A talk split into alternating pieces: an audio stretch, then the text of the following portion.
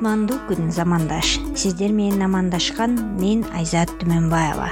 Супара подкастынын биринчи чыгарылышы. Бул чыгарылышта супаранын колдонушу пайдасы жана дасторкон маданияты жөнүндө сөз болот.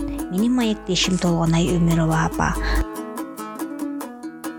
Азыр ушул дасторкон бизде кыргыздын улуттук дасторконунда коюлган тамак аштар жөнүндө кеп болуп ошол жөнүндө сүйлөшүп атабыз. Анан ушул дасторкон маданияты дасторкон деген эмне? Кыргыздар ушу илгери эле дасторконду колдонгонбу деген сыяктуу суроолор жаралып келет. Ошол жөнүндө мындай кененирээк маалымат айтып менин баамымда мындай да биз азыркы салттуулукту айтканда азыркы маданиятты айтканда маданият ар түрдүү болуп кетти европалашып кетти орусташып кеттик аны биз деле жектеп же туура эмес эле булар деп айтууга акыбыз жок бирок эски бизде түпкү нусканы касып аткандан кийин биз ошо түбүнөн айтып берейин э. Бул дасторкон деп дасторконду илгери тегереки көчмөндөр убагында. Ал убакта байлар да жашаган жардылар да жашаган акындар да жашаган ал убакт коомуна жараша маданияттуулар да жашаган непир э, адамдар өткөн да непир акылман ойчулдар өткөн. Эми ошолордун көчмөндөрдүн э, шартында чам деле бир тете береки кокондон тияктан бияктан бир жүк жүктөгөн соодагерлер келип мата деп койчу экен илгери. Мата эми мындайча айтканда биздики азыркы чүпүрөктүн ошондон алып келип аны алып жасап деле неметишкен эмес. Байлар колунда барлар эле ошолордон пайдаланбаса анан мындай орто жашаган адамдар көбүнчө мал багып эле малдын этин жеп жүнүн сатып малдын башын сатып жүнүнөн кийиз жасап боз үй жасап терилерин иштетип азыркы кожа. Анан кийин эмне деп коесуңар жизнесовка деп коесуңарбы мен ошолордун айырмасын кийин билдим. Аябай жумшак экенин көрдүм. Аябай чүпүрөктөй эле болот экен. Иштеткен аябай ишкер айымдар иштүүлөр илгери жасаган. Ошолордун эле түп нускасын биз жасап атабыз бирин окшоштуруп бирин окшоштура албай бирок жеткире алардай жасаган эмес. Алар терилер эттерин пайдаланып алып терилерин жакшынакай жүнүн кыркып тазалап аны устара менен алып малма деп коет э, айран кошуп туз кошуп туруп ошого алмага чылап койгон. Же болбосо жакшынакай жайып туруп эле беттерине күнгө алып чыгып күнгө күн көргөзүп жайып бүктөп бүктөп эки күндө бир аралаштырып отуруп жасаган деле. Бул териден аябай сонун материал чыгат анан арык малдын терисин алты жолу ийилесең да алты жолу ашатсаң да эчтеке чыкпайт. Ал кушур куудураган эле куудураган бирдеме болуп калат. Көбүнчө терилер семиз малдын терисинен жасалган. Тери майга сиңген сонун ал май эле сыртына чыга бербейт жуулуп тазаланып ашатылган анын баары кетет да бирок тигинтиги жумшак болот. Он тогузунчу жылы шайыр апаларга жасап бердим супара. Тулуптарды жасап бердим. Өзүм шайыр апалардын ичинде элем ден соолугума байланыштуу ошолорго даярдап жүргөм. Ошол убагында бара албай калдым. Кастингке бара албай калып анан кийин жасап бербейдим. Тарыхчы этнограф айымкан жаманкулова деген бар да ошо шайыр апалардын немесинин проектинин башчысы ошол кишини өз кулагым менен уктум. Ошо супараларды көрүп ой бул чүпүрөк деп чыгышты. Чүпүрөк бул чүпүрөк эле турбайбы деп. Ошондо айымкан апа барып жыттап көрүп натуральный таза тери. Биз жумгалды тиякты биякты терилердин баарын айттык эле жакшы деп. Бирок буякта эле калды. Сөз жок сөз жок деп. Ал ушунчалык таза жумшак мен аны жаздын күнү баштап шайыр апаларга барганга чейин деп канча жолу ашатып канча жолу койгулап канча жолу чапкылап канча жолу керип сүткө салып кайра ошентип отуруп ушул көп эмгектер менен жасаган. Кадимки эле жана калың чүпүрөктөрдөй болуп калат. Суу куйсаң деле баягы катырап калбайт мындайча айтканда чүпүрөктөн айырмасы баягы жытынан өзүнүн натуральный теринин бир жыты болот башкача. Азыр ал жытты азыр маданияттуу биздин кыргыздарга көргөзүп койчу ошону коюп. Жыты жыты деп мурдун басат. Бирок сасык да эмес жакшы көрүп жүргөн кишиге билинбейт ошол жытынан тааныды айымкан апа себеби бул кишинин баардык нерсени түшүнгөн көзү тунук баардык жашоону тарыхты бүт иликтеп жүрүп баарын билет экен. Ошол киши басып барып анан бул чүпүрөк чүпүрөк дасторкон десе жок супара десе супара эмес чүпүрөктөн жасалган деп атканда анан ал киши барып жыттап көрүп дагы териден жасалган супара экен деп ошолор аныктап чыккан да ошо теринин өзүнүн жыты болот. Канча жуусаң да ийилесең да эмне кылсаң да ал жыт кетпейт да анан кийин азыр кимикат кошуп туруп эле жыттарын жоготуп атпайбы? Ал убакта андай эчтеке жок. Анан мен өзүм ошентип жасап шайыр апалардын немесинде конкурсунда алып барып көргөзүштү анан илгеркилер ошентип жана алы жетпегендер алы жетпеген деле колунан келгендер алы жетпегендер деп жөнүн айтабыз. Колунан келбегендер жасаган эмес аны. Колунан келгендер керек болсо бир койдун териси эки койдун териси ошо бир он он беш кишинин ортосуна салган мындай эле. Дасторкон кылып алышкан мөлтүрөтүп аппак кылып ыйлап ак териби кара териби сонун кылып туруп анан кийин дасторконду салып тамак ашын коюп анан жыйнап койгондо кибиктеп тагып туруп мына керегенин башын ийип койгон. Кастарлар өйдө мындай. Анан ал дасторкон э, супара деген сөз бул жайыл дасторкон деп айтсак да болот ырыскы топтоочу деп десе. Ал убакта ийиш деле жок. Колунан келгендер жыгачтан чара чура жасап табак сабак жасап эми жасаса бирдей экөө болот бир үйдө тарыхты карасаң жайнаган оокат жок да. Ортой эле ортодон алып бир чара тамак алып келсе этти. Алып алып устукан колуна тийгенин жеп эле неметкен дагы азыр киши башына экиден тарелка коюлуп атпайбы. Туураган этке өзүнчө устуканга өзүнчө ал убакта алынын келишинче алыны келгендер ошентип дасторкон бир чети дасторкон жасап бир чети супара жасаган. Супарага кадимкидей ун делеп чекеп элди карап отурсаң азыр супара жасап ал десең ой койчу айланайын супаранын составы эмне кереги бар. Супарадан көрө дейт. Чоң чарага салып эле мынтип ээлеп алам дейт. Ошону ээлегенден кийин деле чекесине карасаң мындай түшүп атат ага эле сабалап алып эле анан маданияттуу тазалыгыбыз кайсы? Ал чарадан деле чыгып атат чекеп эле ун болуп атат. Ал э, супараны салып коюп талканга деп өзүнчө бир супара болчу унга деп өзүнчө супара болчу. Анан супараны мындай жайып алып учун мындай этек жегине жаап алып анан акырын мынтип ээлеп унду талканды өзүнчө ээлеп анан тулуптарга салып салып койчу. Сиз тулуп деген сөздү ушу эки жолу баягы атап өттүңүз ушу тулуп деген өзү эмне? Тулуп бул эчкинин терисин. Көбүнчө эчкинин терилери пайдаланат. Эмне болду дегенде эчкинин териси катуу болот Чыйрагыраак. чыйрак келет дагы анан бышык болот. Ошо эчкинин терисинен жасаган. Чанаштарды тулуптарды ал убакта элдин баары бүт мергенчилик кылып тоотекелердин терилерин а тоотекелердин терилеричи аябай чоң болот да керип чойгондон кийин. Керек болсо этти да сактап кышында түймөч кылып салып койгон. Талканды дагы э, май сайды дагы ошолорго. А илгеркилер жөн эле малды айдап жүрүп эле баарын пайдаланганда мисалы үчүн уйду саап койду саап сары май кылып ошо тулуптарга салып карындарга салып ошентип койчу. Көбүнчө тулуптар чанаштар жалаң эчкинин терисинен жасалса жакшы болот да. Эми койдун терисинен жасаса да болот бирок жумшагыраак болот да. А тигилер калдайып катуу болуп мындай сакталышына бышык келет эчкинин териси. Анан ошол эчкинин терисин жакшынакай кылып устары менен алып жүнүн тазалап ийилеп азыркы мисалы үчүн мискейлерге тигилерге салып неме кылып атпайбызбы ошол сыяктуу эле ар бир неменин өзүнүн бирден тулугу болчу. Талкандын тулугу туздун майдын тулугу тулуп деп коет чүкө балдар ойногондо кичинекей өзүнө ылайыктуу чүкө ойногонго кичинекей тулуп жасап берген. Касы ал баштык сыяктуу же чөйчөк сыяктуу жок чөйчөк деп айтсак болбойт. Эмне? баштык азыркы сумка баштык. Асынып алып тияк бияка кетип калып атпайбы сумкаларды баштыктарга илип коюп атпайбы. Ал убакта деген керегенин башына эле же болбосо тиги бакаң илип койчу жип менен байлап туруп эле белинен андан аба кирбейт бузулбайт а мисалы үчүн азыр идиштерге салып холодильникке салып койсоң деле бузулуп калат холодильниги жок бир идиштерге салып э, аба кирбеген эшикке коюп койчу э, ачып кетет атылып кетет. Ал убакта кыштан кышка чейин ошо сары майы сүзмөсү куруту талканы ошо труптарга салынып байланып эле турчу бузулбайт ошол эле боюнча сакталган майы себеби аба кирбейт бузула турган жери жок. Анан ал жанакы супараны көбүнчө дасторкон иретинде пайдаланчу дагы анан жанакы ун эле талкандын өзүнчө ундун өзүнчө идиши бар деп коелу супарасы бар деп анан кээде чара чурасы жок кишилер деле тигинден суу өтүп сыртка чыгып кетпейт.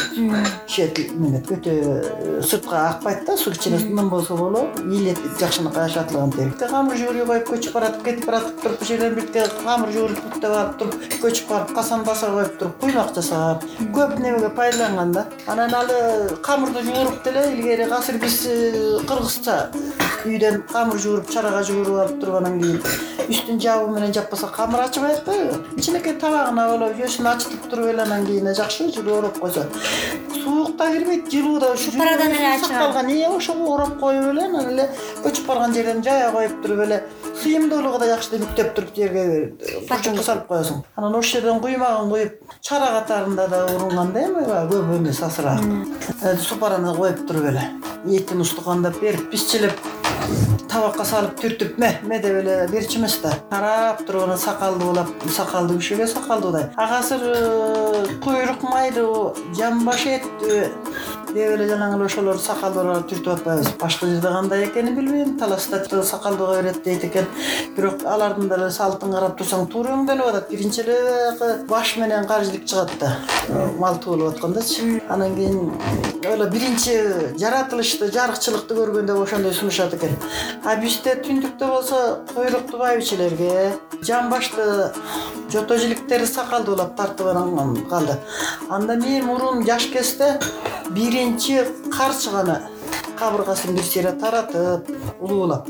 Кабырга алышчу жулунчу эмес да тиги тирдеди жамбашты алам деп азыр тим эле анан жамбаш келбесе чыр атпайбы андан кийин эле орто жолдо пайда болуп калды. Сакалдуулап эле жиликтерди эттүүлөрдү тартып болбосо биринчи кабыргаларды бир сыйра тартып анан экинчи айланганда жамбаш жумбашты анан илгери кандай дасторкондун маданияты? Кошуна кулуңду тууган уруңду чакырып келгенде сакалдуулап орун алышчу да абышкалар жакшынакай чөнтөгүндө бир дамакилер болор эле аны жууп неменин чекеси дасторкондун чекесине коюп мандашта кылып бир боз үйгө отуз кырк киши батчу да. Азыр боз үйгө он киши батпайт эмне болду дегенде бирөө бутун сунуп жатат. Бирөө жакшы эле маданияттуу мындай окуунун баарын бүтүп келген киши бир бутун ылдыйт эметип бир бутун мынтип караса өзүнүн жаагына тийип турат ошо тизесин кучактап отурат тайтайып бирөө учкачты бутун учкачтырып отурат бирөө сунуп отурат. Ар кандай да отуруп көнгөнбүз биз баарыбыз эле отура албайбыз ошентип дасторкондун чекесине кыргызча отура албай калып атыппы ал убакта ошо дасторкондун чекесине эркек киши отурчу мандаш токунчу аял киши мандаш токунган өтө көрүп жаман көрчү да бул эркек кишидей болуп кесир кылып калыптыр аял мандаш токунуп калып бирдечи а кыздар сыңар тизелеп отуруп аялдардын өзүнүн отура турган орду бар анан ошентип отуруп дасторкондун чекесине отуруу маданияты кандыр эти менен алуу.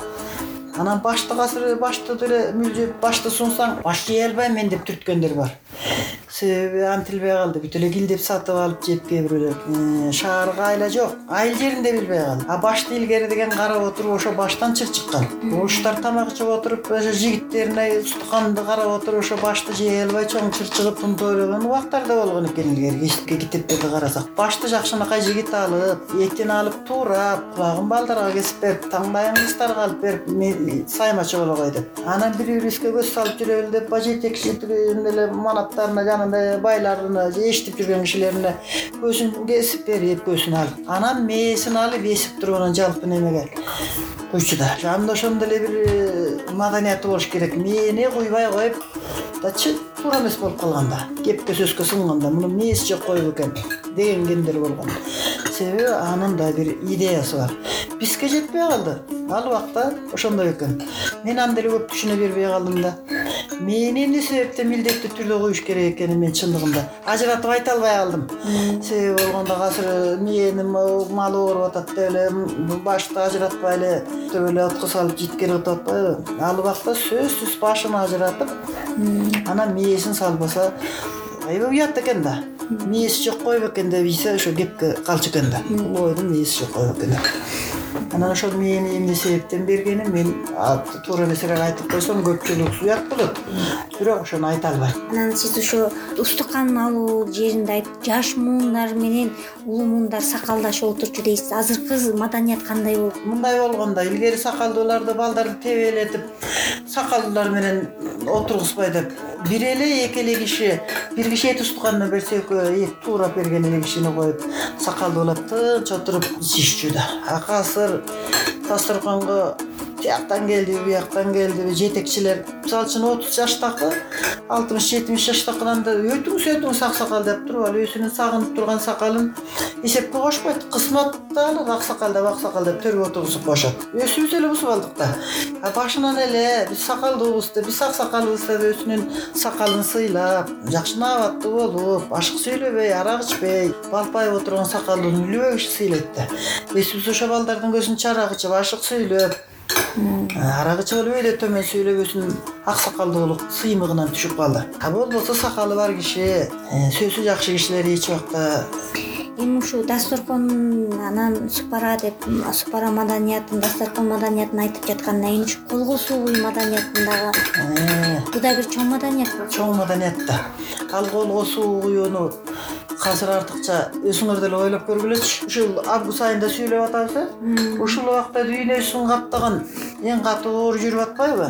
Таза полотенце менен ачы деп айтылып атпайбы муну илгеркилер эле баштаппыр да талаа түстөн кирип эчтен кирип келип туруп эле барып эле тамакка отурган эмес алар чөбүм деп коет же кумган деп коебуз таштек такай болчу балдарына суу куйдуртуп аябай кайра кайра могутуп салаалап жууп туруп анан колун ачып анан төргө отурган а азыр эчтен кирип келип эле отуруп калып атпайбы андай жок үстөлүбүздүн чекесине тамак тартылган жерге колду жуумайынча төргөчү эмес ошондо ал эми ортодогу бул жердеги элдин бычагын пайдаланчу эмес дачы чөнтөгүндө бирден макиси болчу. Ошону биринчи макине тазалап таза жууп анан колун жууп анан майлык менен мына маданиятты көрүп алгын илгери эле башталган бул. Талаадан келип алар деле микроб жугуп кетет ана мына дечи эмес бирок маданияты болгон тазалык маданияты. Колун жууп туруп анан тамак ээриш. Тамактангандан кийин кайра кайра тамактангандан кийин ай бала оң колоңуңа жакшы оң жагынан куй анан сол жагынан куй деп ошо карап турчу да тегеренип калбай эле мындай тегеренип айланбай мындай куйбай эңкейип бүк түшүп отуруп карыларга суу куюп этегине суу жугузбай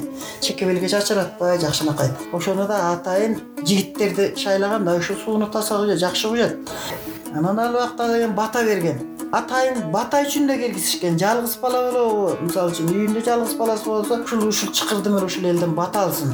Ушу бата менен балам өнүп өссүн аман жүрсүн деп бата менен эл көгөрөт жамгыр менен жер көгөрөт деген сөздүн мааниси илгертен келген да илгертен. Азыркы жашообуздун угу бүт эле илгеркилер жасап атабыз бирок илгерки делбей азыркылар э, жасалгандай болуп атат да. Ушунун баары эле илгертен келген. Суу куйган маданияты аксакал карылар жакшы адамдар келгенде жөн эле кишини суу куйдук да берген эмес. Биринчи бата алсын деп койчу. Экинчи тартиби менен жакшы жолун билет ыгын билет деп сол өмүрлүү бол бактылуу бол деп бата кылган экен. Элдин батасы кандай тиер экен балама бата сурайын деп айланайындар. Балама бата берип койгула деп айткан экен. Ошо маанисин ошол илгертен батанын маанисин илгеркилер айтып калган. Азыр деле улуу карылар жакшы адамдар телевидениеден чыгып сүйлөп жакшы баталарын айтып той тороподо нооруздарда айтылып атпайбы? Ошол батанын адамга таасир эте тура түзмө түз келе турган неме көзгө көрүнбөгөн менен адамга таасир бере турган жактары бар батанын адам ишеним пайда болуп атат не эл бата кылбады мен бактылуу болот экенмин жакшы экенмин деген ишеним илгерки ата бабадан калган кудайдын кудурети менен ошо түзмө түз келе турган касиет да бата. Эми ушу дасторкон суу куюу маданияттары менен бирге ушу дасторкон бул супара экөө айырмасы барбы же айырмасы жок. Азыр айырмалап калдык. Себеби супара десе айтып атпаймынбы ой эмне кереги бар супараны сасытып супаранын терин эмнеге аралаштырыш керек? деп жалаң эбро жашоо менен жашап атпайбызбы